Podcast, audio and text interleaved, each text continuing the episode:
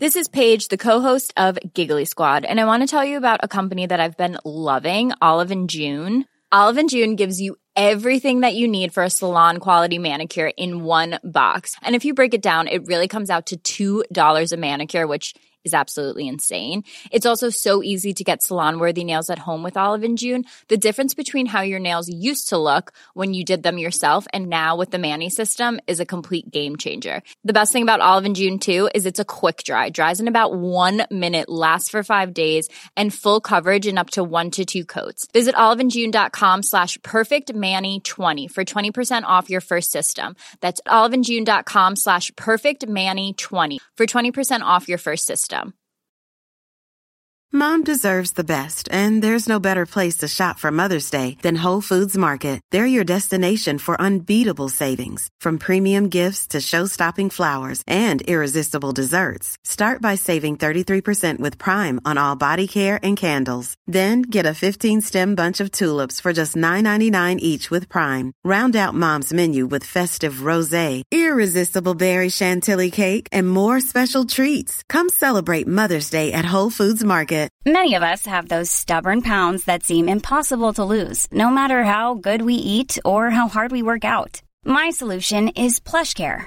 PlushCare is a leading telehealth provider with doctors who are there for you day and night to partner with you in your weight loss journey. They can prescribe FDA-approved weight loss medications like Wagovi and Zepbound for those who qualify. Plus, they accept most insurance plans. To get started, visit plushcare.com slash weight loss. That's plushcare.com slash weight loss. Hørt noe mye Scootspod, da? eller?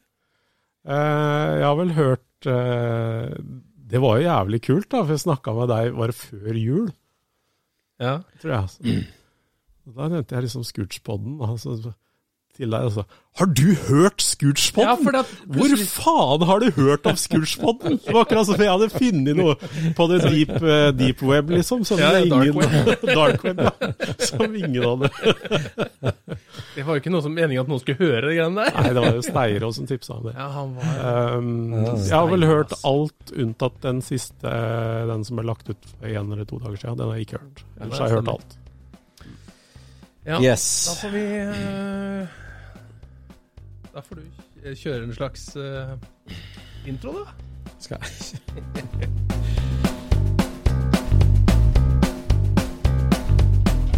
Du lytter nå til Scootspodden, en norsk podkast om klassisk bil med Jon Roar og Øystein.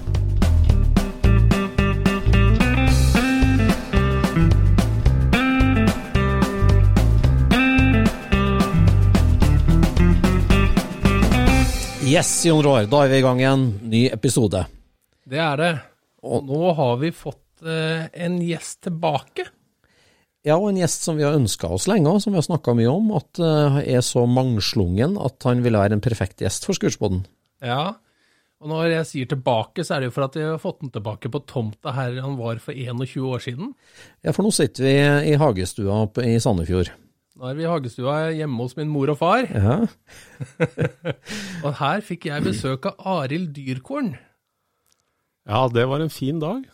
Du husker det? Ja, det husker jeg var en veldig fin dag. Det var Vi prøvde å skulle lage California-stemning i Sandefjord på bildene. gikk og det klarte grad. vi faktisk. Ja, ja, Det klarte vi. Ja. Da var du ute på reportasjeoppdrag og hadde på journalisthatten, Arild. Eh, Da var jeg omreisende, fersk, ekstremt entusiastisk eh, journalist Det husker jeg. og fotograf. fotograf. Ja, hvor kom det på trykken? Var det bussen din, eller? Nei, Det er jo det som var så synd, at det ble noen fantastisk nydelige bilder, og det mener jeg virkelig. Det ble dritbra. Ja, det ble kult, det. Og det kom i et blad som nesten ingen leste. Four Wheel Drive. Four wheel drive. Men nedlagt for mange år siden. Four Og Drive? det var ikke så mange som kjøpte det den gangen heller. For eh, underteksten var jo eh, Hva er det var for noe? Pickups and vans? Var det noe sånt noe? Ja, det var vel noe Four wheel sånt. drive, Da. pickups and vans. Ja. Og jeg hadde jo van. Ja. Jeg hadde jo folkevognbuss.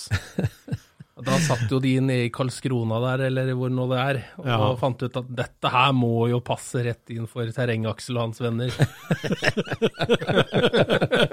Jeg Vet ikke om de skjønte så mye av eh, Airride og Fuchs på, på 61 splittbuss, ja, men eh, ja ja, kanskje jeg starta en trend? Ja, bladet ble i hvert fall nedlagt. Ja, det gjorde jo det. Nei, Nå er det nok. For da var du norsk representant for bilsport. eh, Jeg var en slags norgeskorrespondent for det forlaget, ja. Ja. Eh, Forlagsaksjebolaget til Albinsson og Sjøberg. Ja. Ja, akkurat. ja. Men du har jo mange hatter, Arild. Du har jo vært gjennom mange deler av bilhobbyen, mange bilmiljø. Du er en kjent figur, en stemme på både buglen i Sverige og på gatebil i Norge. Og en mang som veldig mange i det skandinaviske bilmiljøet har et eh, godt og nært forhold til. Så Derfor er det veldig hyggelig at uh, du tar en tur innom Scootspoden. Ja, jeg elsker podkaster, og da får jeg endelig få lov til å være med i en podkast. Det er eh, kult, Også. Ja. Hva betyr podkast for deg? Hvordan bruker du podkast? Eller hva gjør du med podkast? Podkast er jo nerding. Det er den perfekte nerdeplattformen. Uansett hvilket tema det handler om, Mhm. så kan man finne sin eh, nerdearena. Og eh, ja. Bilturer, gåturer. Eh, når jeg sitter hjemme og redigerer bilder, da er det podkast. Ja, mm. ja, det med nerding, det vi- jo, vi er jo litt for intern, har vi sagt til oss sjøl i hvert fall, og så nerder vi litt for mye. og det, vi, vi får jo tilbakemeldinger at dere er for nerdete, og andre halvparten av tilbakemeldingene er dere må være mer nerdete. Ja. Så det er litt forvirrende. Så vi tenker at vi kanskje er midt i. vi må vente til vi ser et overheng i en eller annen retning. Vet du, Jeg jobba i lokalavisen en gang, så, så eh, skrev jeg med en sånn ganske kontroversiell eh, hyttebyggesak. Det var noen klager på at den hadde bygd hytta, hytta feil og sånn. Og da oppnådde vi at først den ene parten var så sure på det vi hadde skrevet, at, um, at de ikke ville snakke med oss mer. Og så var Arild ute i felten og snakka med den andre parten. Og den ble også så sure at de ikke ville snakke med oss mer. Og da sa bare, sa bare redaktøren hans ja, da har vi hatt en balansert dekning. Så. Vi har løst det. Stemmer nok. Ja, det er bra. Vi, vi snakker jo ofte med gjestene om deres folkevognbakgrunn. For det er jo sånn at er du bilhobbyist, så har du et forhold til folkevogna. Og det fikk du tidlig, Arild. Og fikk en fot innenfor folkevognmiljøet. og oss litt tilbake til den unge Arild Dyrkorn. Den unge Arild Dyrkorn, folkevogn. Um, det var jo Øyvind Berger da, som dro meg inn i folkevognverdenen. Hadde jo Billila før det. Men Ja, du- eh, når vi nærma oss lappen, så var jo Øyvind den eldste av oss. Han var nesten et år eldre enn meg, og han hadde lyst til å bygge en Calluker. Ja. Og eh, da hang vi oss på der og kom inn i det fantastiske miljøet der. Han drømte jo egentlig om Roddo og Custom. ja. Ja. Men det hadde vi jo ikke verken penger til eller kunnskap om, eller uh, umulig å få godkjent i Norge, alt det der. Så da var jo den enkle veien inn var jo uh, Callukere. Så da ble det folkevogn. For nå er vi tilbake da på ja, seint 80-tall i Moss. Når uh, du blir 18. 90. 1990. 90, ja. Ja. Og da er det folkevogn. eh, via Øyvind Berger og den fasen her. Hva, hva, hvorfor, eh, altså, vi har snakka litt om det at fellesnevneren for mange norske bilentusiaster er jo Lego og radiostyrt bil, og så folkevogn. Du, du var litt innom der òg, ikke det? Ja, ikke så mye på Lego, men eh, veldig hardt inne på radiostyrt bil, ja. Ja. Mm. Og der er jeg blitt kjent med Øyvind. ja. Ja. Tamia, eller? Eh, ja, jeg, først så hadde jeg en Nico-bil. Uh, uh, en sånn Golf med Kamei bærcup-styling. og så havna jeg i samme klasse som Øyvind, og han hadde en Tamia-bil. Det var liksom et langt steg over. Han hadde Mitsubishi Pajero Tamiya-bil.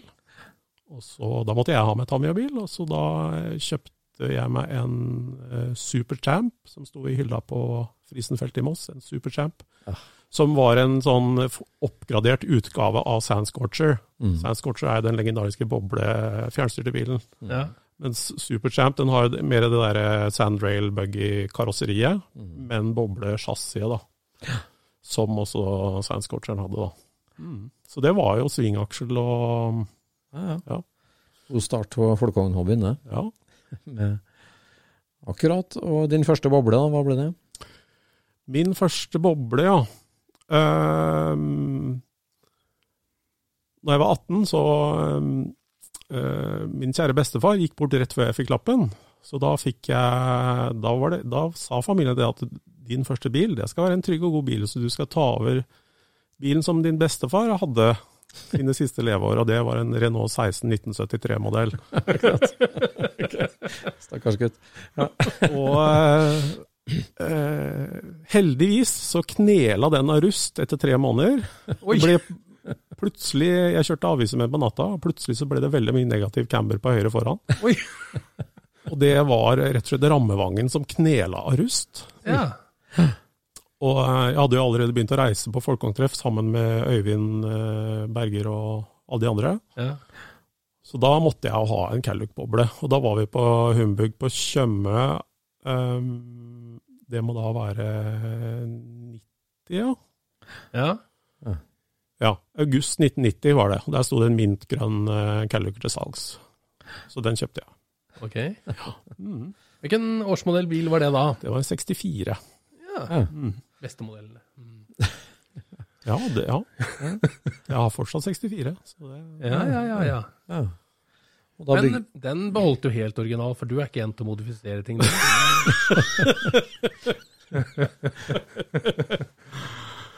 Og det var en kompis av meg som skrev på Facebook for et par dager siden Han Espen Waters han skrev at det, det er ingenting i verden som er så kjedelig som en helt original bil, unntatt fotball. Unntatt fotball. Der er du. Der er vi den dag i dag. Der var vi da, og der er vi den dag i dag. Har du bestilt Ja. den tatoveringa, eller? Eh, nei, Ja, for, si, si, bare si litt, da, da hopper vi litt da, men si, altså bil for deg. Hva, hva, hva er det med bil og bilhobbyen? eh? Nå har vi snakka litt om starten, men eh, hva, hva betyr det for deg? ja, det betyr alt, egentlig. For det er ehm, Så blir jeg rørt allerede. Jeg blir jo rørt bare jeg ser en femøring. Femøring? Ok. Jeg har et veldig dypt emosjonelt forhold til bil, som jeg har til stort sett alt i livet, men også til bil. Um, uh, det handler om eh, flukt og frihetsfølelse, og om design, form og farge. Ja. Ja, det er det det handler om. Frihetsfølelse, altså be- eh, mobiliteten. At du kan ta deg hvor du vil, når du vil. Ja, det er ri inn i solnedgangen-greia. På noe du har eh, formgitt sjøl. Ja. Ja. For du prøver å uttrykke deg med bil, ikke sant? Uttrykke deg med, med stilen på bilen, si noe om deg. ja. Ja. Mm. For sånn har jeg Altså, jeg har jo Jeg har kjent deg siden den gangen. Visste jo hvem du var før det òg. Ja. Men, eh, men hver gang jeg ser du bygger en bil, så, så ser jeg jo det at det, her er han langt framme i skoa. Ja. altså, du, du, følger, du, du har jo vært flink til å følge trender. Altså, du har jo plukka trendene før andre har visst om de, for å si det sånn. Det syns jeg ofte jeg har sett. Så jeg tror du, du må ha lange ører, på en, på en måte. Få med deg ting. ja, ellers så var det veldig viktig å gå på de Narvesen-kioskene som hadde det beste utvalget. Ja. Så Ja. du bodde i nærheten av en sånn? Hvor de hadde ikke bare Hot Rod-magasin, men hvor de hadde Rodd og Custom, Mm. for eksempel. Ja, ja, ja. Ja, Mm. Ja, så Hotrod-bladet var tidlig inspirasjon. Uh, ja Rodd og Custom. Eh, US Report, spalten til Bosse Bertilsson i Wheels, ja. Mm. var jo Ja, ja. veldig viktig. Mm. Ja. Ja. Ja, der kom det jo ting som lå litt, eh, litt foran, husker jeg. ja, han var jo liksom med jevne mellomrom innom Boyds og så hva som skjedde der og sånne ting. Jeg husker det var han som varsla om eh, lilla metallic og tweed. Det husker Ja. jeg. Det, det, det, han, det, Ja. liksom, nå, Alarm. nå kommer det, gutter! Og det gjorde det. Ja. Og han var innom eh, Boyds når de bygde Cadzilla, Ja, ja, ja. som jo er eh, for meg det ypperste som har vært lagd. Cadzilla, ja. Ferdig snakka. Jeg er fortsatt griseforbanna på meg sjøl for at jeg ikke dro på Elmia det året Cadzilla var der. ja. Ja. Eh, ja, da må du jo nesten like den der Holden FJ òg, da. Den som de bygde i, i Australia. Har du sett den? Ja, den var ordentlig kul, den. altså. Ja, den var kul. Mm. Ja. Men den, den har ikke brent seg fast, sånn som Nei. eh, har. Nei, har litt hjelp av det der bandet òg, den der Godzillaen. da. Jokken Joll, vet du. Ja, Jokken Joll. Two-step boogie. Ja. Ja. Ja. ja, men Katsillaen var jo en milepæl når den kom her. Det var jo helt gåen når jeg så den. Altså. Ja. Det, er, eh, det er bilen. Ja. Ferdig snakka. Den er ikke perfekt. Nei. Den har sine Det er noe rart med grillen og den moon-tanken, og stansen på de hjula er ikke helt 100, men eh, flyten i taklinja og overgangen i bakskjermene og baklampene Ja, Og så liker jo jeg sombreros That's i jula, it. jeg, da. that's it. Ja, jo. Jeg syns jo det Sombreros, funker. Sombreros Kapskjern er jo eh, den beste, en av de beste felgdesignene som har Ja, vært lagd. ja, Det ja, har vel du kanskje nevnt? Den har jeg før, ja. nevnt. For den, Mm.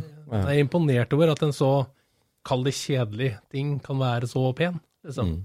Det er jo en eh, komplisert form, ikke sant? Jeg Mm. liker den veldig godt. Også. Ja. Det gjelder å finne det som er enkelt, genialt og tidløst, da. Ja, og tidløs må jeg si at den er. Når den funker på Katzilla, liksom. Så, Ja, ja. Mhm. Mm. Ja, når Nei, så det var litt kult da når jeg fikk gleden av å intervjue Chief Foods for noen år siden. Så snakka vi om hva som var favorittdesignet. Da, Da, måtte jeg, da sa jeg selvfølgelig at favorittdesignet var bilen som Larry Eriksen hadde designa. Ja, ja, ja. Det likte den sikkert godt. Ikke Chip! Sjøl om han ble bygd på Boyds. Ja, ja, ja.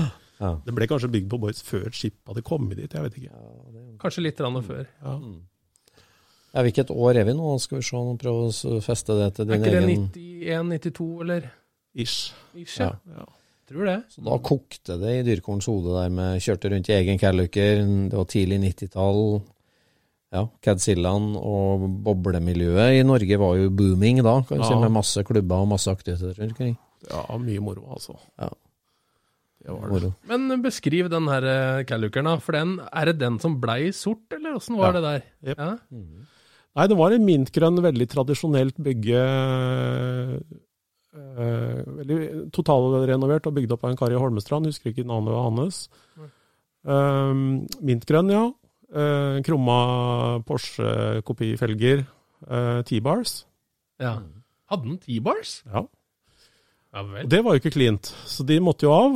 Mm. Og single blade, da- single, single blade bumpers og babymoon-kapsler på de um, Mm. 306-kopifelgene, og selvfølgelig mer senking. Ja. Uh, ja. ja. Det begynner jo å høres ut som uh... Det var bare en sånn eh, Bare for å få den akseptabel det første året. Helt Ja, til jeg fikk sant? ressurser til å plukke den helt i Fillebilter og ødelegge den fullstendig. ja. For det høres jo litt grann ut som den der at noen kan ha lest et bilsport med Øyvind Olsen. Som også hadde en 64 mintgrønn med ja, ja, ja, den, ja. ja. Altså, det mintgrønne var ikke mitt fargevalg. Det var Nei, det ikke min det favorittfarge, men uh, det var jo en klassisk Calluck-farge. Det var det. Absolutt. Men når du rev den ned og bygde den opp igjen, så ble den jo svart med grønn og gul dekor, ble den ja? Yes. Den husker jeg godt fra tidlig 90-tall. Det var litt kult, eh, for det fant ut vi skulle Grønn og gul var sånn tema, da. Så vi lakka felgene grønne på den ene sida, gule på den andre sida. Så i Moss så trodde folk at det gikk to dritkule sånne svarte bobler. Han ene kjørte bare til og han andre derfra. Ja, men det er sant, altså. For da bygde du den helt etter ditt eget hode. Ja. Eh, og var ferdig og debutert med den da 293? eller? Eh, Skal vi si 92 må det ha vært, ja. Jeg hadde jo håp om å sette i gang og bygge med den bobla jeg enda ikke har fullført. Hadde vi jo håp om å sette i gang da vi bygde den. Ja. Men eh, Thomas Størresen, da, som eventuelt skulle hjelpe meg med det, han hadde ikke tid da, rett og slett, pga. egne prosjekter. Så vi måtte stå over, da, i anførselstegn, før vi dro i gang med den bobla som fortsatt står i verkstedet og ikke er ferdig nå. Som også er en 64. Ja, for det må vi jo snakke litt med. For at uh, i Østfold da, så skjedde jo en del Fredrikstad-gjengen, dere fra Moss, og det ble en, uh, en gjeng. Cool Cruisers Østfold. Cool Cruisers Østfold. Men eh, da, da er jo du en ung mann. eh, Når, altså, bil har jo blitt, som du sier, en bærebjelke i livet ditt, og, og et levebrød, egentlig. Og når skjønte du eh, liksom, at det her, ble, det her går bare én vei, skulle se på bil? Og, altså, var du helt om bord da, og no turning back, eller hadde du en slags Eh, jeg husker jeg følte når jeg var ferdig med skolen videregående og ikke ante hva jeg skulle gjøre med livet mitt, var totalt umotivert. Jeg følte at jeg ikke var eh, ikke noe særlig arenaer jeg følte meg hjemme på. Eh, men når jeg dro på biltreff med min første kreasjon, som da var den svarte utgaven av Mobla, mm, da ramla hele verden på plass for meg, altså. ja. Rett og slett. Da var jeg hjemme. Ja. Ja.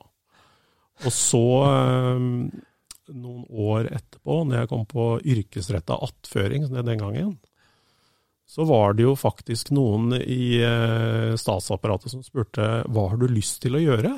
Ja. Jeg var jo opplært at jobb, det var en plikt. Men kanskje, kanskje man kunne jobbe med noe man hadde lyst til å gjøre? Ja. Ja. Hva, hva har jeg lyst til å gjøre? Jo, jeg har lyst til å bli motorjournalist. Ja. Og så fikk jeg faktisk hjelp av den norske stat gjennom yrkesrettet attføring til å bli motorjournalist.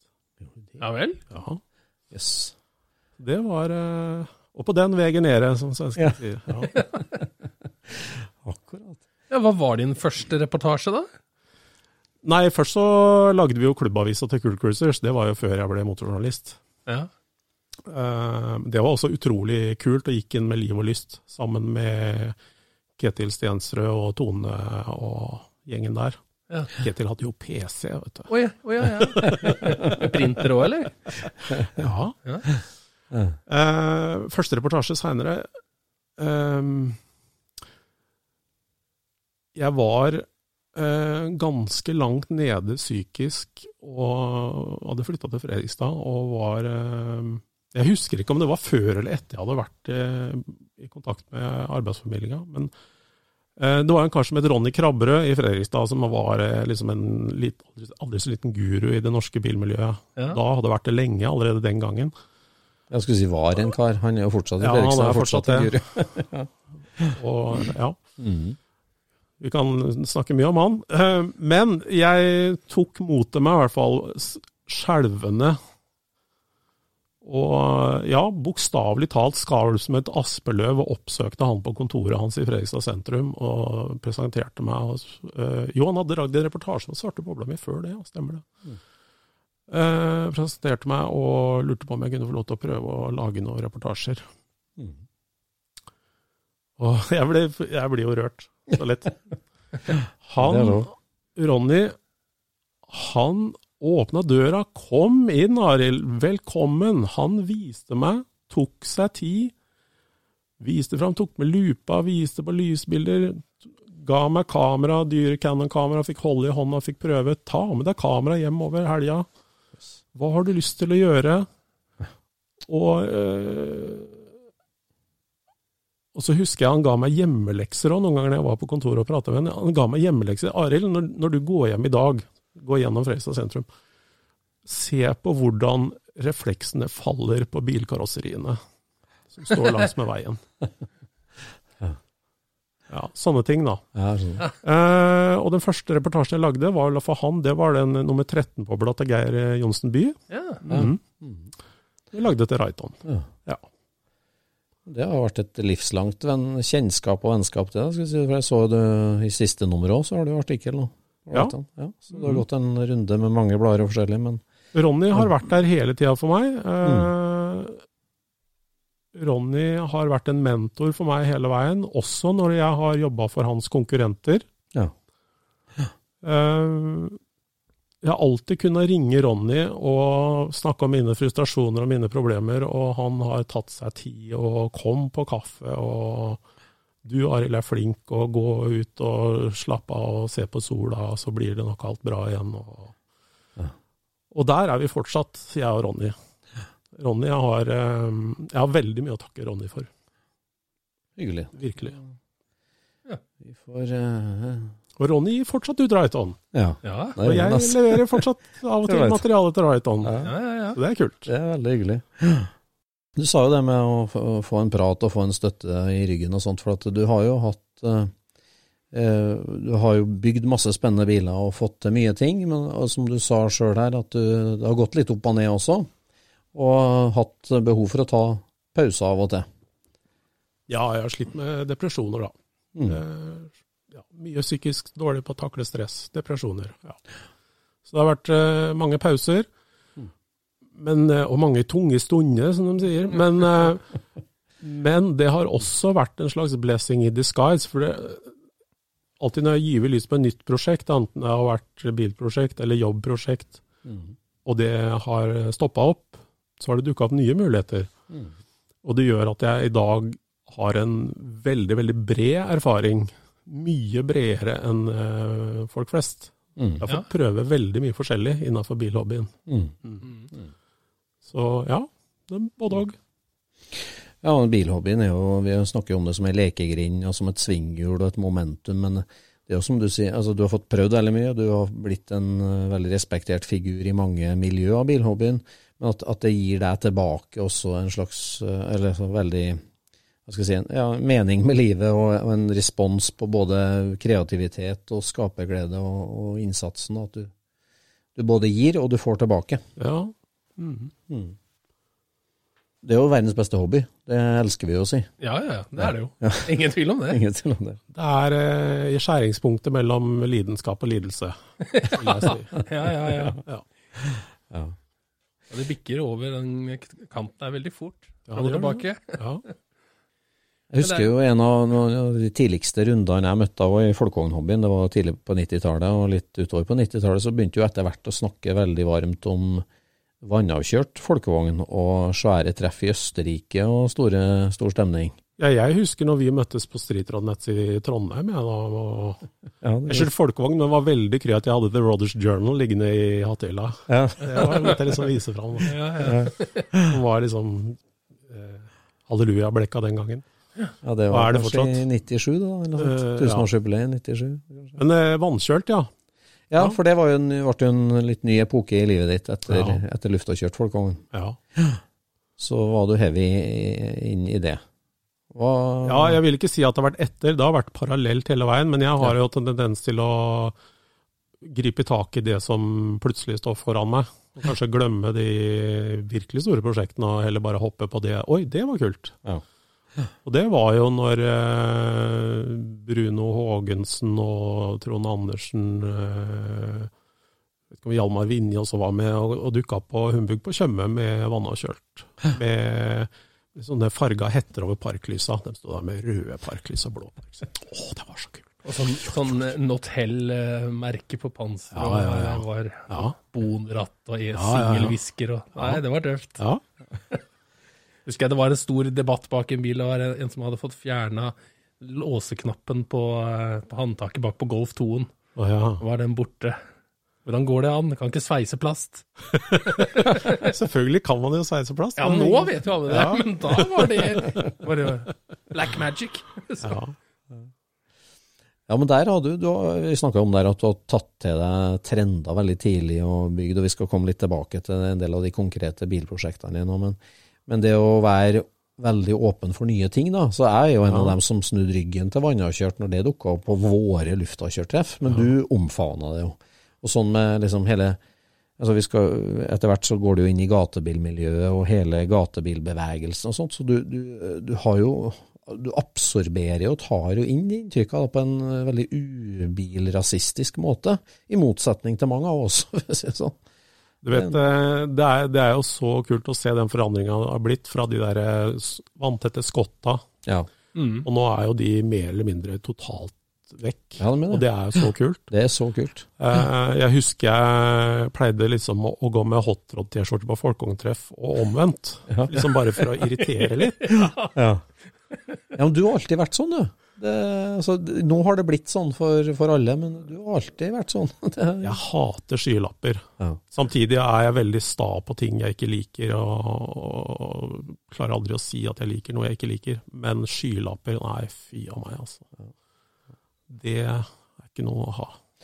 Altså, som sier det er sånn bærebjelken i hobbyen for dem med både altså, frihetsfølelsen og skapertrang og design og linjer for kunst, eller form og farge. Ja. Og det er jo uavhengig om det er en kul hotrod eller Cadzilla eller en blodsenka Skoda, Ja. eller hva det skal være. God, god design er god design, mm. det er sant, ja. rett og slett. Du har aldri hatt noen amerikaner eller amerikansk bil sjøl, eller? Eh, nei. Nei. Det måtte jo vært liksom en eh, en eh, 32 Roadster helst, da. Mm. Og eh, kanskje til nød en A-Ford Roadster. Mm. Og vi har liksom aldri vært helt der, da. Men hva Eh, altså, jeg, jeg har ikke kommet så langt på, på stigen av eh, ønskedrømmer da, til at jeg har kommet til at jeg har fått muligheten. Jeg har fortsatt noen ti drømmer litt tidligere på skalaen som må fullføres før det er et tema å komme opp dit. Ja. Men uh, etter de bilene jeg har per i dag, så er nok drømmen enten en uh, 32 Roadster Highboy eller en 346 Speedster replika. Ja. Ja. Ja, for du har jo noe prosjekt på stallen som uh, mange av oss forbinder med deg, som er jo liksom eh, altså, Og vi må jo snakke om eh, den korta taksenka bobla di. Ja, det er jo litt sånn eh, i mine tunge stunder, ofte når jeg altså Det her er ikke bare tull, altså. Det er faktisk litt sant. Noen ganger når jeg har følt at jeg trenger litt support, så har jeg kanskje lagt ut noen bilder av de der evighetsprosjektene og, og fått litt uh, support på dem. Ja. Det er mange som Ja. blir inspirert av de byggebildene dine, Ari. Det er det. Ja, det er, ja, det er hyggelig å høre. Det blir noen likes. Det er, eh, det er rart med det, altså. men likes det er faktisk litt viktig, altså. Men Noen sånne små blå tomler opp, da Ja, blir vi er- glad. Ja, Ja, men altså, det der er jo biler som altså, Det er jo biler som nesten er en, en del av det, eller som du har skapt. Altså legge ut bilde av 'dette er min fine, originalrestaurerte Amazon'. ja. Blir jo på en måte du er forvalter bare en bil, men det her er jo biler som Ja, den bobla da, som er veldig karakteristisk. Med, ja. Som, det er jo en del, det er jo et uttrykk for deg, og et uttrykk for hva du har tenkt, og hva du har fått til. Så Ja. en like til den er jo en like til deg. Ikke, ja. Men ta også Beskriv tankene bak eh, Bluesmobuggen. The Blue Small Bug. Eh, først, navnet da, det handler jo om eh, at jeg har hatt The Blues, da. Fy faen, det, det høres så teit ut når jeg sier det sånn. Men, det har ikke noe med Blues Brothers å gjøre, da. Har det ikke? Nei, nei. Nei. Fantastisk film, Ja, ja. men eh, det har ikke noe med det å gjøre. Uh, ja, det var jo Billabug, da. Legendarisk Ja, ja, ja, ja, ja. eh, boble. engelsk. Som ble bygd i England på den tida da Calluc var eh, knalle farger og ja, da vi, trodde, da vi trodde at Calluc var mintfarger og rensa lister. Ja. Og Da var det en i England som skulle ta det der et steg lenger. Han hadde ikke bare de knalle fargene og fjerna lister, han hadde også skåret bort B-stolpen. Skjært bort B-stolpen. Og da ble det jo en veldig fin, eh, fin taklinje. Det er jo alltid sånn når man ser på design på en bil, så er det jo liksom du skaper masse fine linjer, og så kommer B-stolpen. Ja, ja. ja, jeg kjenner meg igjen i den følelsen der. Så det er jo den, Ah, jævla B-stol! den ubrutte kupélinja. ja, ja. Ja, ja. Det er det, ja. ja. Liksom eh, 53 Mercury hardtop, eh, The Matranga-merk, mm. sånne ting, da. Ja. Og mm, ja. Mm. Så ja, Billabug. Uh, kommer- Snakka med Tørjesen, da. Tørjesen, Thomas Tørjesen i Fredrikstad. Han hadde jo bygd en korta boble før det, en Baia. Stemmer det. så Hvor han hadde korta den ganske mye, og klart å beholde proporsjonen i taklinja. Som jo var en ganske utrolig prestasjon. Og nummer Ja. tre, han klarte å få den godkjent av det norske Statoil i tillegg. ja. Ja. På den tida. Det var Helt vilt. Jeg vet ikke hva som foregikk på Biltilsynet borte i Fredrikstad, der, men Nei. Det var kvalitet òg på det som ble gjennomført. Så ja. Mm. Nei, så jeg og Øyvind Berger, da, min barndomsvenn, som nå for øvrig er daglig leder på Hotshop, da. Mm. Eh, vi satt og drodla om å lage en Harto-boble. Øyvind lagde noen skisser som vi syntes så bra ut, og jeg diskuterte dette med Thomas, om han kunne lage en sånn hardtop-boble for meg. Og det havna litt i kø der, men til slutt så sa han ja, og nå har vi tid, og vi kliner til, og vi gjør det. Og han, eh, Thomas har jo en vanvittig sans for proporsjoner, proporsjoner, så han klarte å gjøre, gjøre linjene enda mye bedre enn enn eh, det jeg og Øyvind hadde klart å skissere oss fram til da. Ja.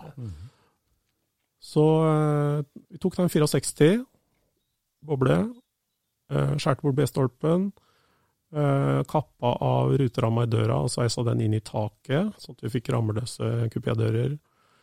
Eh, og så var det det for å få til proporsjonene, da, da sa Thomas at enten så må vi forlenge døra, eller så må vi korte bilen. Mm. Ja. Fordi på en, en kupé så må jo alltid bakre sideruta være litt kortere enn dørruta. Mm. Ja. Hvis du bare skjærer bort B-stolpen, så blir jo faktisk bakre sideruta nesten seende lenger ut enn dørruta, og det går jo ikke. Nei. Så eh, Thomas uh, tok da sjefsavgjørelsen på at vi korter bilen, Mm. og tok da et snitt uh, foran bakskjermen. Tok ut ca. fem tommer. Så mye? Okay. Ja. ja, var det så mye? Ja, jeg tror det var omtrent så mye. Ja. Mm. Og eh, taksenka ca. 2,5 tomme, og da passa taket merkelig godt nedpå. Det sa vel Thomas, så vidt jeg husker rett, at det var nesten litt flaks. Yes. Eh, fordi det er jo sånn at når du taksenker en bil med skrå A- og C-stolpe, så må du jo forlenge taket for å få det til å passe ned på stolpene igjen. Ja. Men det slapp han. Mm. ja. Fordi han gjorde korting og taksenking samtidig. Han øh, vinkla inn øh, A-stolpene litt for å få dem til å matche, Mm. den øvre og nedre delen. Og så er jo det vanskeligste partiet alltid når man taksenker en bil, da, det er jo øh, C-stolpe, overgang fra bakre siderute til bakrute.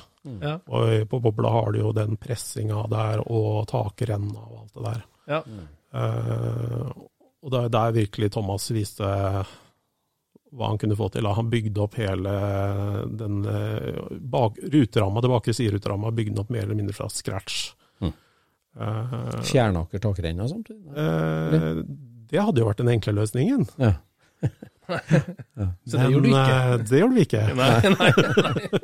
Nei, fordi jeg tenkte mye på det og kikka mye på bobler med fjerna takrenne. Men jeg syns takrenna er ofte veldig stygt, men på boble så er takrenna en av de viktigste linjene på hele bilen. Mm. Er det?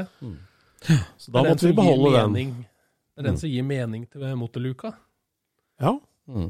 Mm. så øh, Jeg har noen sånne vage minner om at takrenna på, tak, på taket der han har kappa den av, og takrenna på bilen der det begynte på C-stolpen, der var liksom fem centimeter gløpp imellom eller noe sånt. nå. Og- Men Thomas klarte å smite det der og få det til å okay. Ja, det jeg sier jo ok. ja. Ja. Så da gjorde han det, og det ble dritbra. Og så stoppa det opp, for da ble Arild sjuk. Ja. Ja. For da var karosseriet helt ferdig, og det var allerede nå Hvilket årstall er vi på da? Råkarosseriet var ferdig, ja. Eh, 94 eller 5 rundt der. Så tidlig. Ja. Mm. Så det var rett etter Cadzilla og ja, høy Ja. motivasjon. ja. Den står i verkstedet ennå, den. Sånn. Ja. Mm. For da eh, gikk du på en smell Det, hadde ikke med bilen å gjøre, på en måte, det. Det har eh, Nei. Nei. Det var sånn eh, klassisk stress, utbrent eh, med påfølgende depresjon-greie. Og det har faktisk aldri kommet helt over det, den smellen som var den gangen. Den, den er der fortsatt. Men, for da var du i gang og jobba som biljournalist allerede da? Eh, nei, Nei. det var den smellen som gjorde at jeg etter hvert fikk tilbud om yrkesrettet attføring. Ja, Ja. Ja, jeg var postmannen før det. Mm. Ja. Akkurat. Så ble prosjektet stående lenge, og så ja, har vi snakka litt om vannkjørtfasen og forskjellig sånt. Og så Når blir liksom neste bilprosjekt for deg da? Altså Vi husker jo noe Corado og en del vannkjørte greier. Jeg har aldri hatt Corrado. Oh, nei, Chirocco. Chirocco har jeg hatt. Chirocco, to. Ja. Ja. 2. Nei, det var eh, allerede 94 90-95 rundt der, så han, han, han ble det en type 3 fastback, 66-modell. Fin taklinje, vet du. Ja. Tja. fastback, fastback. Ja, ja. Snellhekk. Ja, ja, jeg skjønner det. Uh, ja, så hadde den som bruksbil en stund, og så Ja. Jo, jeg hadde en Golf 1 med jetta i én front, ja. Og så, når jeg da klatra i bransjen og fikk fast jobb, som biljournalist, da eh, tok jeg meg lån og gikk og kjøpte en kliss ny Polo 2001, tror jeg det var. Ja. Så da var det jo Når jeg henta ut den på Møller, så var det jo streng beskjed til dem ikke, ikke skru på skiltene. Fordi eh, den bakluka skal klines. Så skal ikke ha noe skruehull. Teipe fast skilt i bakruta med, med teip, og så kjøre hjem. Og så var det bare å ta fram vinkelslipperen og sette i gang. Gjør du det? Splitter ny polo. Pesse ny Polo, ja. Ja. Mm. Måtte jo ha en fin bil å reise rundt og fotografere biler med. Ja. Det var bilsportansettelser. Ja. Ja. Mm. Den husker jeg fra Holmenkollen. Da Ja, var det var vel der òg, ja. Folksfest. ja. Nei, det var altså en Polo 2001-modell sølv. 1,4 TDI av alle ting, Tresylindra diesel, litt sær, kul motor. Eh, 916-felger, som jo var ekstremt bredt på den bilen. Mm. Og valsing av en annen verden av eh, onkel Tom, Ja. som en del vet hvem er. Eh, onkel Tom, ja. Fikk hjelp litt av forskjellige folk i uh, Audi-klubbmiljøet. Så hadde du litt tøft ratt i nå? Ja! eh, Lupo 3L TDI kom jo med et grisetøft ratt, kul design og ratt i magnesium. Ja. Eh, det måtte vi ha, for det var så kult design. Mm. Ja. Det kosta jo selvfølgelig altfor mye penger. Men da bodde jeg like ved Møller Ryen, og der jobba det en kar som het Bård Christiansen i delesalget. ja. Mm. Ja. Boblebård er en del som kjenner han som. Stor, stor bobleentusiast. Eh, og der fikk jeg veldig hyggelige priser, så det ble et sånn ratt til slutt. Og det endte jo med at jeg og han ble så gode venner at vi satte oss i den poloen og kjørte ned til Wörthersee sammen, jeg og han, i Ja. 2002 to eller 2003. Mm. Ja. Jeg husker eh, at Det var, jo litt en, sånn- eh, det var jo en pilegrimsreise av de helt store. ja. Ja. Ja. Eh, Men jeg husker det at du hadde et lite hotrod-hint på den bilen. Flammer, ja. Flammer. Ja. Husker jeg fortalte Jan Tore Kopperud, lederen i Volkswagen Ødelklub Norwegen, at jeg skulle ha flammer på den nye poloen min. Ja. Du, kan ikke ha flammer på Nei da. Ja. Så um... Men hva, hva, hva var det når du kom dit? Var det delfiner på tanklokk og det stuket der, eller hva? ja. Ja, det var det. Ja. og det blei en vekkelse. Ja, ja, for det var litt kult. da. Bare for å ta det med de flammene først. da. Det Ja. var vel, Jeg husker ikke hvor vi tok designet fra, men det var min gamle, gode, fortsatt veldig gode venn Rikard Jacobsen fra Larvik som eh, eh, grafisk designer, skiltmaker. Rick Art. Rick Art, ja. Ja. Eh, som eh, Jeg husker ikke hvor han fant de flammene fra, men han lagde det i foliedekor. da, og Vi hadde sølv, grå raster, Ja, flammer langs med denne poloen, da, Ja. som han lagde. Og det var jo alle i det Alle de rettroende i vannkjølt miljø også digga jo det. Syns det var kult. De Det ble vellykka. Mm. Men ja, hva, stakk var det? seg jo ut. Ja. Ja. Gjorde det. Husker jeg fikk andreplass i beste styling på gatebil 2002 eller noe sånt nå. Det var lenge før jeg jobba med gatebil. Det, det, den hang høyt, husker jeg. Synes jeg. Det var jeg veldig stolt av. Ja. Ja. Jeg husker jeg ble danka ut av semien i, i dragracinga på gatebil i 2002. Bomgira mot en eh, S3. Var ikke Jonas, eller? Nei, nei, nei. Han hadde jo Audi 80 den gangen. Ja, det stemmer det. Men hvor var vi? Var vi skulle vi snakke om var Ja, det det? syns jeg vi kan prate litt om. Ja. Ja. Ja, det er jo Enten så vet man det, eller så vet man det ikke om Wörthersee-treffet. Det er ganske mange i Norge som vet om det nå, men det var ikke så mange som visste om det da. Nei. Og da Vørtese, altså det er et av eh, Jeg tror det er, må være et av verdens aller, aller største biltreff. Mm. Eh, som foregår da i Østerrike, ved en innsjø som heter Wörthersee. Mm. Uh, Vørtesee er jo det er veldig spesielt. Det er et sånt gammelt ferieområde. Det var jo fra den tida etter krigen hvor man skulle bygge landet og alt det der. Og Da reiste man ikke så langt på ferie, man reiste til eh, landet eller nabolandet. Så det ble bygd opp en sånn slags feriehotellklynge rundt denne innsjøen Wörthersee i Østerrike. Så det var en liten innsjø, ca. én mil langs, avlang Ja, ja. med hoteller rundt hele. Og Ja. der, eh, men seinere, på 70-, 80-, 90-tallet, så begynte folk å reise lenger på ferie, så det var ikke så mange som tok ferie ved Wörthersee. Så da lå jo det hele det fantastiske hotellområdet der, da. Og da var det jo noen der nede som kom på at vi skal ha et GTI-treff der nede. ja. Sånn ca. 1980-ish. Ok. Ja. Og det vokste og det har blitt et eh, enormt fenomen, hvor da disse hotellene de åpner vel én gang i året, tror jeg. En uke, eller det pågår jo mye mer enn en uke nå, da. Ja. Det er da fra huset huse det her VTC-treffet. Men sånn, i, sånn når jeg fikk høre om det første gangen, eller når jeg så reportasjer derfra, så kan det hende at, eh, at det er hvor jeg får min informasjon fra, men det så ut som det var et folkevogntreff. Det var et eh, GTI-treff for eh, Golf, ja. Ja. Golf GTI. Men Mm. nå virker det som det er grisesenka Mercedeser og alt mulig rart der. Ja, det, når jeg og Bård da kjørte ned dit i 2002 eller 2003, tror jeg det var, Jeg har spurt litt rundt om det var noen andre nordmenn som dro før oss, og jeg har ikke klart å finne noen. Så jeg tror at vi var de første nordmenn som dro ned der. To feite fyrer som satt og humpa nedover autobanen i den lille poloen og subba dekk. Elska hver eneste betongskjøt. Ja, det var kult, det. Ja. Skulle, skulle vi stoppa på en rasteplass eh, rett over grensa inn til Østerrike, så var det en, en annen eh, entusiast som var på vei dit ned, som eh, syntes bilen var så litt lav ut, så ut som det subba litt, da. Ja. Så han stakk liksom fingeren inn mellom dekket og, og skjermkanten. Altså når han dro ut fingeren, så satte igjen litt gummi på fingeren, for det var så varm gummi da, etter vi hadde ligget og subba på autobanen. And where are you from? Ah, we drive from Norway, bare. Du kom fram, så mangla det jo tekst på sida av dekket, liksom. Det, det var jo kult. ja. Ja, ja. Nei da, eh, nå prata jeg meg bort. Eh, Altså, det var svært da. det var svært da. Eh, greia med det treffet da, det er at i den byen Reifnitz, eh, liten by ved, ved sjøen der, jeg forsto det sånn at den gangen, da, da stoppa man billettsalget på 5500 biler Ja. I 2002, eller noe sånt nå. Men det var jo mange flere som ville dit enn det.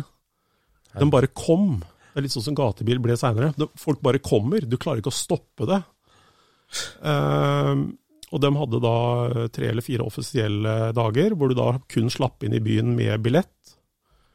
Uh, og de som da ikke kom inn, de spredde seg til de andre byene, alle andre områdene rundt. Så da bare vokste det og vokste det, og da var det ikke så nøye om du hadde Volkswagen lenger. Da kunne du komme med hva som helst av kul bil. Ja, ja, ja. Så det er jo egentlig verdens største street meet, eller eh, hva kaller man det i dag? Cars and Coffee, whatever. Ja, ja. Som da pågår i Nå er jo dagene Det sa jo dem til oss allerede da, de som var der nede, at det er jo helga før som er best. Det er jo ikke sjølve treffet. Nei. De beste kommer jo før. Ja. Og nå, er man, nå møtes man jo gjerne Nå er det alltid sånne diskusjoner på nettet nå til dags. da. Skal vi dra ned helga to uker før, eller helga én uke før? Hvor mange ganger har du vært nedover etterpå? da? Eh, vært det sammen tre ganger. Ja. Ehm, nei, så for kom, og da for og det treffet, da, det er jo helt unikt med at det er ikke noe treffområde. Det er liksom, eh, Man må vise en lapp for å komme inn i den der byen de der få dagene. Men ellers er det ikke, det er ikke noe lukka treffområde. Det er ikke noe innhegning. Du betaler ikke inn noe sted. Det er på gata. Ja. Det skjer på gata. Du kan stå på Eni-stasjonen, Shell i Mirskolenig, og se de aller tøffeste bilene i Europa cruise forbi. ja. Du kan stå og henge der For det er i i en bevegelse mye? Du kan stå på den ene benseren og henge i én uke, og hver dag så dukker opp nye biler som er noe av det råeste du har sett, og du ser dem bare den ene gangen. Ja. Og så kjører han forbi, og så blir han borte igjen. Ja. Og så har du igjen de der eh, bodene hvor du kan rygge inn og få airbrusha sjøhest på, Ja, ja, ja. på tankluka. ja.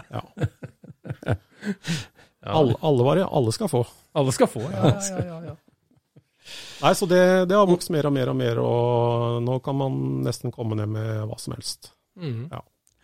Men du, du nevnte på at du ble ansatt i bilsport. Ja. Da endte du opp i Sverige, gjorde du ikke det? Hvordan ble det der? Uh, ja, jeg skulle være norgeskorrespondent. Ja. Uh, det var ikke utlyst noen stilling, det var jeg som uh, fikk masa meg inn der. Men de hadde, de hadde alltid hatt et ønske om å ha en fastmann i, stasjonert i Norge. Ja. Men man må, måtte jo på provanstilling. Ja, ja, ja. Ja. Så da var det et halvt år da i Karlskrona, som jo er så langt fra norskegrensa du kommer i, i Sør-Sverige. Er. Helt ned på sørøsthjørnet. Da lærte du deg svensk. Nei, det kunne jeg fra før av. Ah, ja. Ja. For du er god på svensk?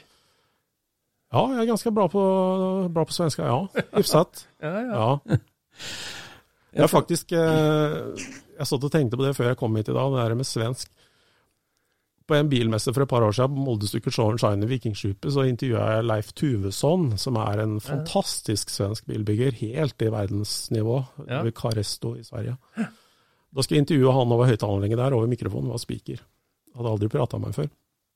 Så jeg bare snakka litt med han før vi dro i gang på mikken, og da sa han at du prater jævlig bra norsk, jeg, sa han. Det er kreds. Ja, det er bra. Da, da skjønte jeg at da var det Det er greit. Ja, når var det du begynte å ta mikrofonen da rundt omkring? Du, altså, eh, Spikerjobb? Ja. Det var jo eh, gode gamle pappa Kopperud som lurte på om jeg ville holde en premieutdeling på et klubbtreff i Volkswagen Audi-klubben en gang. Ja. Um, så litt sånn små Volkswagen Audi-klubbtreff. Litt sånn holde litt premieutdelinger. Nei, det var jo eh, 2003-2004-ers gatebil. Da spurte Bjørn Valberg gatebil spurte om jeg kunne tenke meg å være spiker der. Ja. Takka jeg nei. Eh, Da hadde jo du vært på noe gatebiltreff, og det var, hadde allerede begynt å få momentum i Norge. Ja. Ehm, så var, var det med to spikere da Jan Gunnar Halstvedt og Per Christian Håvedegård var jo litt sånn radarpar på gatebil en periode, og så slutta Per Christian. Og da ble jeg spurt igjen om eh, jeg kunne tenke meg å prøve å være spiker, og så sa Bjørn Valberg ja, vi prøver en gang, og så ser vi åssen det går. Og det, det er rart med det. Jeg og Jan Gunnar vi har vært som et gammelt ektepar siden da. Ja. Vi møtes de fem helgene i året. Vi møtes så å si aldri ellers, men vi er som et gammelt ektepar, altså. Ja. Ja. Og så spurte jo uh, Johan og Lena på Burger og meg også om Jeg husker ikke hva det var, om jeg ville holde en premieutdeling, eller om jeg ville snakke på dragreise på Burger husker ikke. Uh, Men da fikk jeg prøve det, og det gikk bra. Og så sa de ja, vi vil dra i gang en treff som heter Background Classic på den nye dragrace-arenaen som heter Tierp Arena. Så Ja. om du kunne tenke deg å være spiker der oppe? Ja. ja. Og sånn går det dagene. Ja, ja, ja, ja. Men gatebil, da, liksom, altså, det er klart fra vørteskje og kjørt polo og alt der, og skritt inn i gatebil, for det var en helt ny verden igjen, egentlig? Eller var det Ja. veldig mange av de samme folka som var med litt fra det VV Audi Klubb Norwegen inn der òg, eller hvordan? Eh, både og. Eh, det var jo av de som grisetrimma Audi, Mm. de ville jo kjøre på gatebil. Mm. Ja. Hans Dahlbekk eh, og Jonus og de folka der. Men eh, gatebil starta jo egentlig med en rånegjeng fra Kongsberg som var redd lei av å, av å bli hunsa av politi, tror jeg det var, oppå der. Mm. Og ville rase fra seg på bane, og de leide bane. Og for å få hjelp til å dekke inn baneleia, så slapp de inn Kreti og Pletti til å kjøre fritt på bane. Og det var jo det at man fikk kjøre veldig fritt på den banen. Ja, Det var liksom eh, free for all. ja, ja. Og kjør så fort og så bredt du kan. Men, men for deg da? gate, gatebil tok av da. Men jeg ble jo da biljournalist, og da, for å ta pulsen på det som skjedde, så var jo gatebil eh, det nye spennende. Så jeg var jo da på gatebil i kraft av journalist. Jeg lagde ikke eh, reportasje på treffa, men jeg jaga reportasjebiler der da. Gikk der eh, jeg fikk, hø jeg fikk høre av noen i mediebransjen etterpå at jeg var ganske høy på meg sjøl på den tida, og det er nok ganske riktig. Jeg gikk rundt der med kulemagen min og med det største, dyreste speilreflekskameraet du kan få, liksom hengende akkurat der hvor kulen er på sitt ytterste. En, en, en, en bauta av et fallossymbol liksom, rundt i oppleininga på gatebil der, da. Ja. Altså for deg, da, jeg tenker på når du snakker om bilhobbyen som eh, så, altså design og frihetsfølelsen og, og, og stil, på en måte. Det å hoppe inn i hele det gatebilsirkuset. Så Det er jo motorsport, kjøreteknikk, vill trimming, ytelse. Det er jo ikke, eh, altså det er ikke design på samme måten. Sånn. Var, det lett for deg å ta den rollen og kaste deg inn i der, eller hvordan gikk det til? Det å skrive om performance-biten, det var eh, Det er jo litt for sterkt å si at det var bare jobb, men det var noe i den retning. Ja. Det var det som var pulsen, ta pulsen på det som skjedde. Jeg syns det var mye morsommere å skrive om en custom-bil sjøl. Ja. Men eh, når man lager bilblad, så må man jo la, skrive om det som folk vil lese om. Mm. Og det er ikke det jeg sier. Jeg syns en eh, 800 hesters Audi Urquatre på tvers, det er jo vanvittig rått. Selvfølgelig. Så det var liksom det grommeste den gangen. Ja. Så det var ikke det at jeg kjeda meg. Nei, nei. Jeg skal ikke si det. Men eh, mitt hjerte sjøl har alltid banka mest for uh, Rodde og custom design, uh, stands. Mm. Jeg har jo alltid vært den som har innad i interne møter i gatebil uh, snakka mest mulig varmt om at vi må jobbe opp show and shine-biten, da. Ja. Der har vi jo kommet ganske langt etter hvert, vil jeg si. Ja. ja. Altså, gatebilbevegelsen, det er jo en, en egen podkast-episode i seg sjøl, Ja, det Altså, jeg det burde bli. det må det bli. Og, og den, men altså sånn veldig kortfattet, det som har skjedd på de 20 åra der, der gatebil har blitt nærmest et, eller det har blitt et internasjonalt fenomen, som der, Nor der verden ser til Norge for Ja. bilhobby, det er jo det er jo helt spesielt. og du har jo vært med, ja, du har jo vært med på den reisa der, og det er, det er vanvittig hvor momentum det der har fått. Og, og hvorfor det? Hvorfor det? Eh, ja, det er jo det at man fikk lov til å kjøre så fritt man ville på banen. Mm.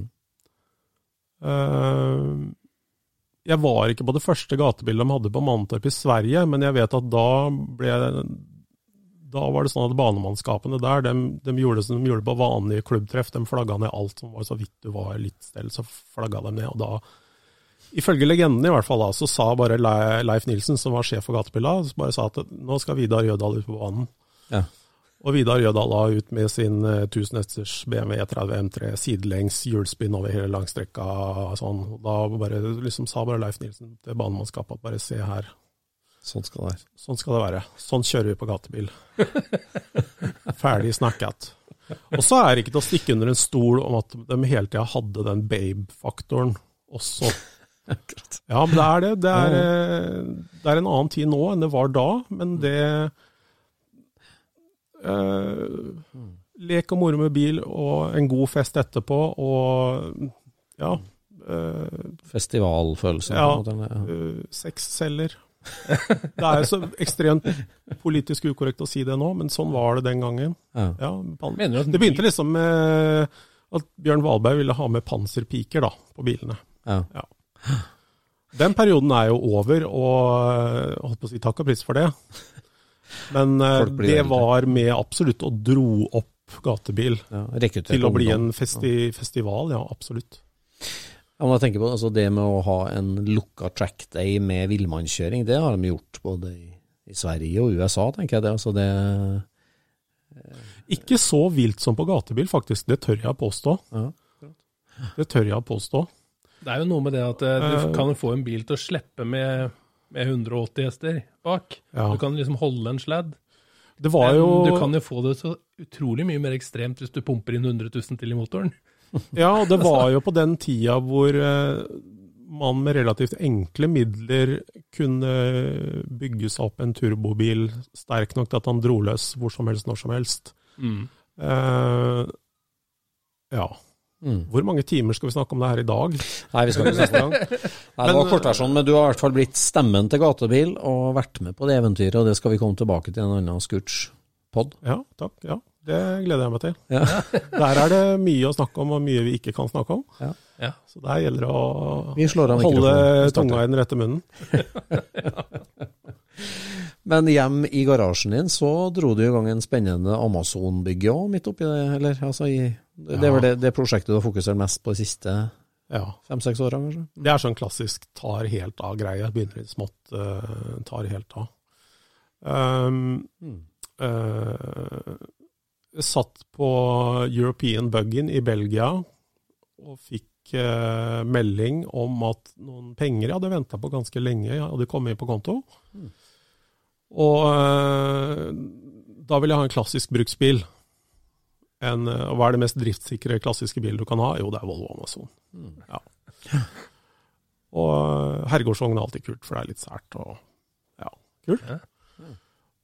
Så da kom de penga inn, ja, og jeg skulle kjøre hjem aleine. Hadde leid boblecab på Bugrent av Øyvind Berger.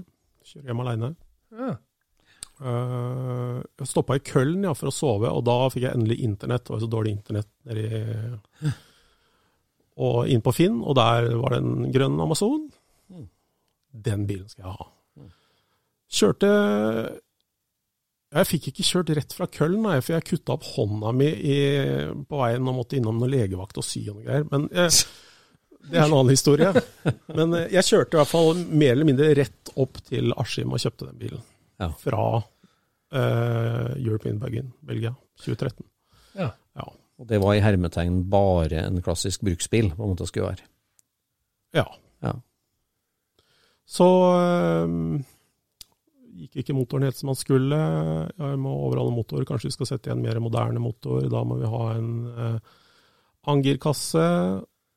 Så Da må vi lage en annen girkassetunnel, og så skar vi ut den gamle girkassetunnelen, og så fant vi masse rust. Og så viste det å være en sånn klassisk amerikansk restaurering med sånne store sparkelkakegreier.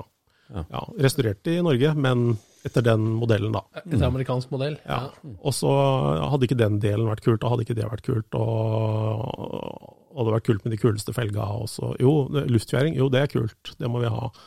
Og ja. Store stålfelger. ja. Er Klint, tidløst. Veldig fin. Ja. Hva skal først ut på veien, da? Bobla og Amazon? Ja, det er et veldig godt spørsmål. Eh, Jeg har vel gått meg litt fast på den Amazonen. Uh, Mista litt inspirasjon. Det har vært litt motgang eh, underveis. Hadde veldig problemer med en lakkerer, en sånn klassisk lak vanskelig lakkerer-skrekkhistorie. Fikk jo bilen ut der fra til slutt, eh, men det tappa meg for mye entusiasme, den greia der. Um, eh, og så var det litt helseproblemer, ja. Nå må jeg prøve å tenke tilbake. Jo, og så måtte jeg jo ha en eh, ny bruksbil, en eh, Skoda, og så tok det av. Ja. Prosjekter som tar av, så ble det en kafferecer-motorsykkel. Ja, du er Ja. Og så når det endelig kom til at det var tid til å skru sammen den motoren, da, da var det han som skulle skru sammen den motoren, min kjære, veldig gode, hyggelige venn Anders Klerud, han var da såpass langt i brøyta med sitt eget prosjekt at han sa ikke nei, men eh, alle vi andre rundt han, vi, vi skjønte at nå skal Anders få lov til å bygge ferdig sin egen bil. Som da blir et kunstverk av en driftingbil. Og øh, når det gjelder luftfjæring, så trenger jeg hjelp der også. Og samtidig så De gamle folkevogn, gutta folkevogngjengen går og maser på meg helt at jeg skal skru sammen den bobla i stedet. Så jeg må jo innrømme at det har vært lettere å finne inspirasjon rundt bobleprosjektet den siste tida enn øh, Amazon-prosjektet. Og så ble det nytt verksted nå i vinter. Og da ble det anledning til å lage en fin mekkeplass til bobla. Og så ja. Så det ser ut som det drøyer litt med Amazon. Jeg har fått meg en annen ganske ålreit eh, bruksbil som jeg føler jeg kan stå ved. Ja. Ja. Kult. Ja. Hvem er det som kjører en Skoda Citygo med custom-lagde 18-toms hjul, eh, 5 cm bakkeklaring Det er vel bare Ja. deg, det. Bare du det? Snakka du om poloen fra 2002 nå, eller? Nei, skada. Nei, det, ja. Herlig. Men du som har hatt et sånn kikkert inn i hva skal jeg si, nye ting, da, og har tatt til deg nye deler av bilhobbyen og gått inn i nye bransjer, hva, hva er du mest nysgjerrig på nå for tida? da? Sånn, sånn bare miljø og bygging og stil og type av folk. Hva er det som eh, pirrer nysgjerrigheten? Ikke at jeg kommer til å gjøre det sjøl, men eh, det som jo er litt spennende nå, det er jo eh, det med å bygge om klassiske biler til elbiler. Syns jeg er litt spennende. Ja. Jeg tror ikke jeg kommer til å gjøre det sjøl, men eh, det syns jeg er kult. Det er en sånn eh, Jeg har tenkt på det hele tida, helt siden det var en science fiction-film som het, het Gattaca, som kom på tidlig 90-tallet eller noe sånt nå en sånn framtidsvisjonfilm hvor alle kjører rundt i de beste designobjekta ever. Kjører rundt i Studbaker, Avanti og Ja, ja. Citroën Padde Roadster, Citroën Padde Cabriolet, vet du, den derre toårs ja. og det der. Som går på el. Ja. Ja. Sånne ting, da. Hvor du da kan uh, ha den kombinasjonen med at uansett hva man mener om miljø, eldriftmiljø, all, hele den debatten, da er det en helt annen Men det er nå engang sånn da, at det blir mer og mer elbil, og mindre og mindre fossilbil. Og da kombinere moderne teknikk og klassisk design. Mm. Ja. Jeg har, jeg har tenkt på det opp igjennom, at eh, sånn som han Hva het han for noe? Ed Roth.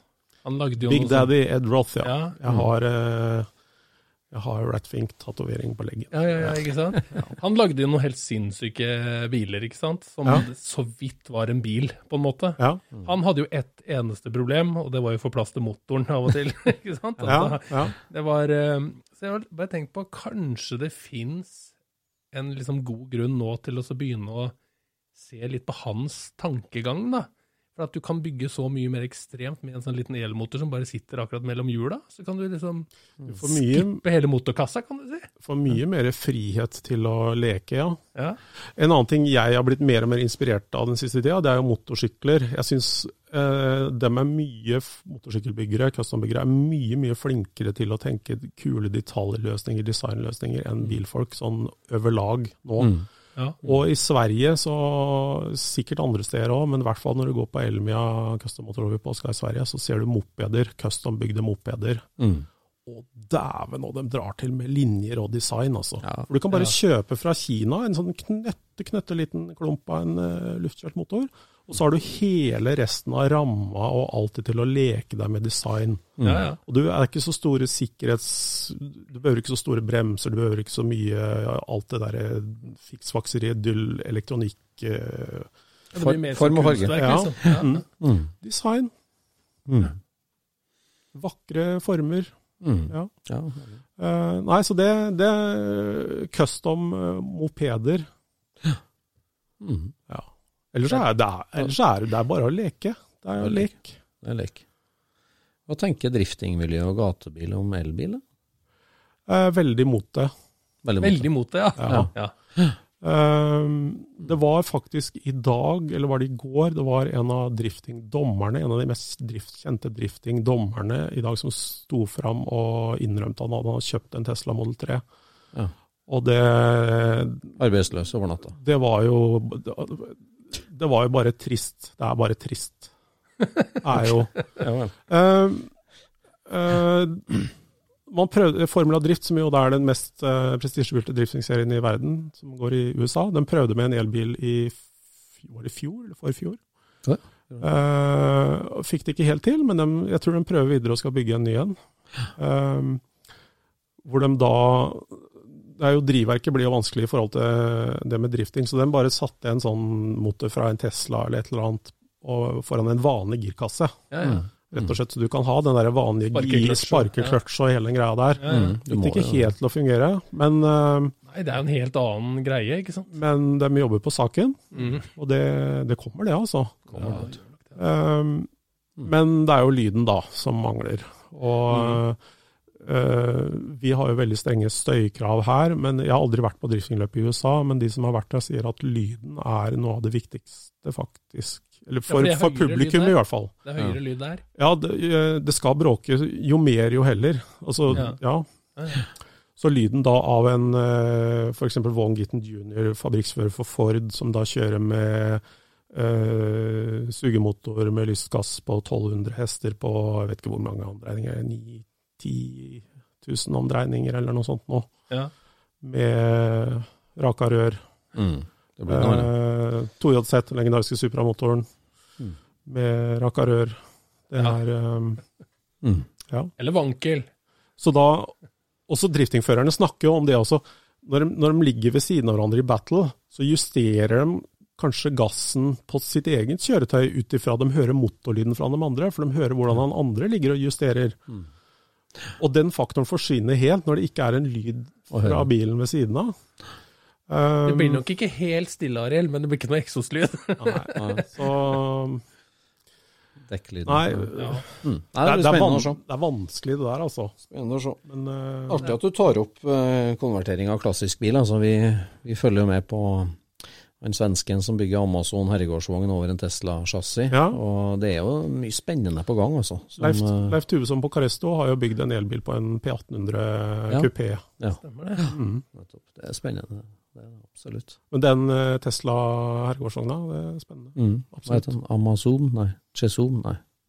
Hva heter den? Vi glemmer det bestandig. Tessom. Son, eller sånt. Tesson. Ja.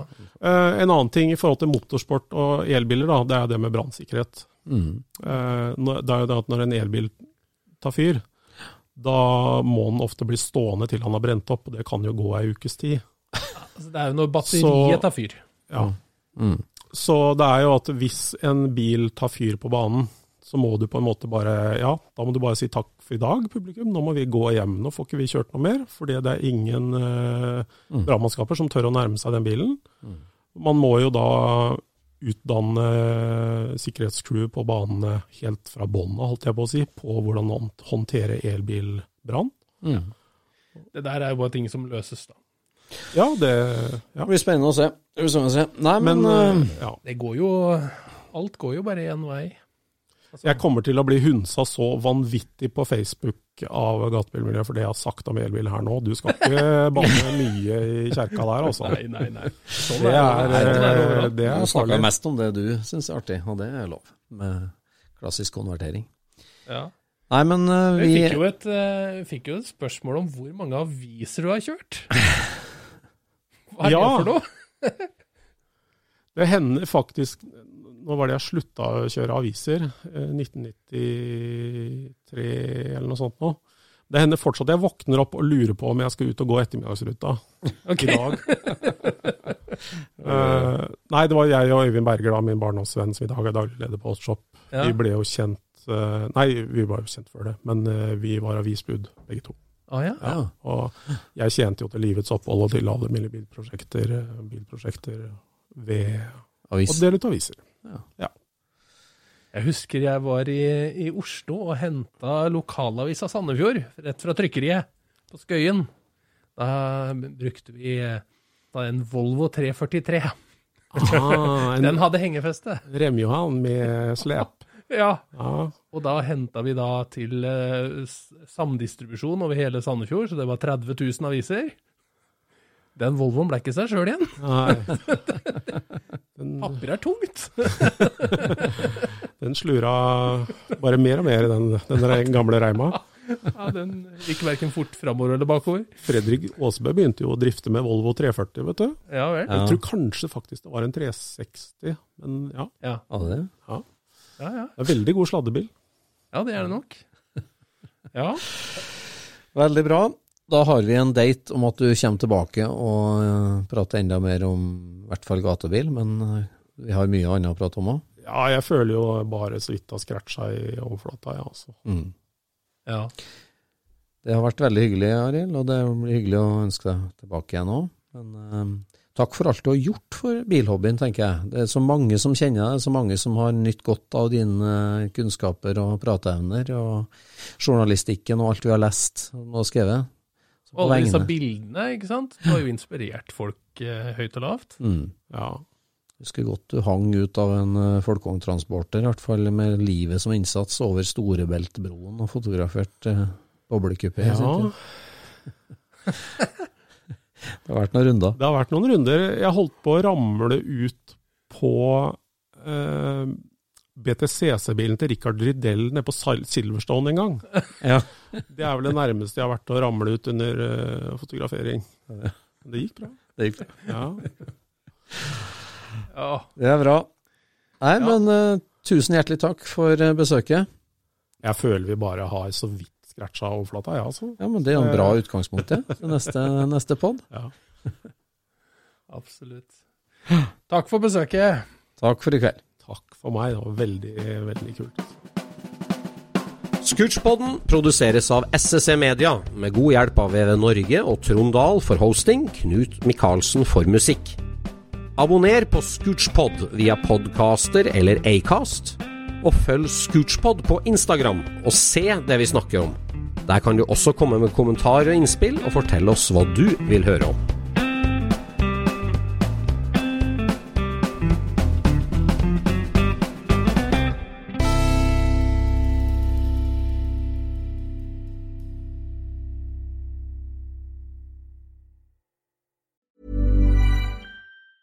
Hey, it's Danny Pellegrino from Everything Iconic.